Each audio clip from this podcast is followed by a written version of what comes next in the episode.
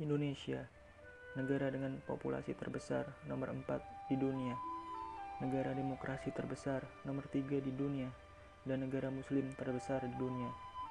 Negara yang diwarnai bermacam-macam suku, ras, budaya, bahasa, warna kulit, dan agama, dan semua kekayaan alam yang ada di dalamnya, mulai dari Sabang sampai Merauke, dan Mianga sampai Pulau Rote negara kolonial yang diperjuangkan dan yang akhirnya migrasi ke negara demokrasi.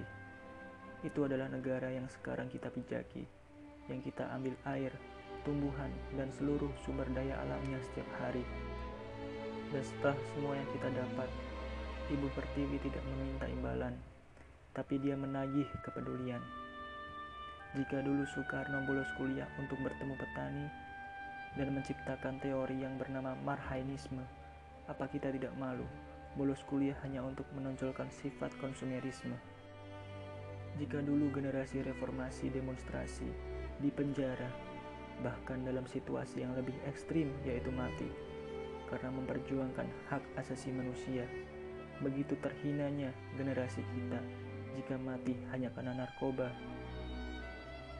Begitu bodohnya kita menerima begitu saja ketika APBN kita dicuri begitu tak berwibawanya kita ketika kita diam saat hak asasi kita mulai digerogoti.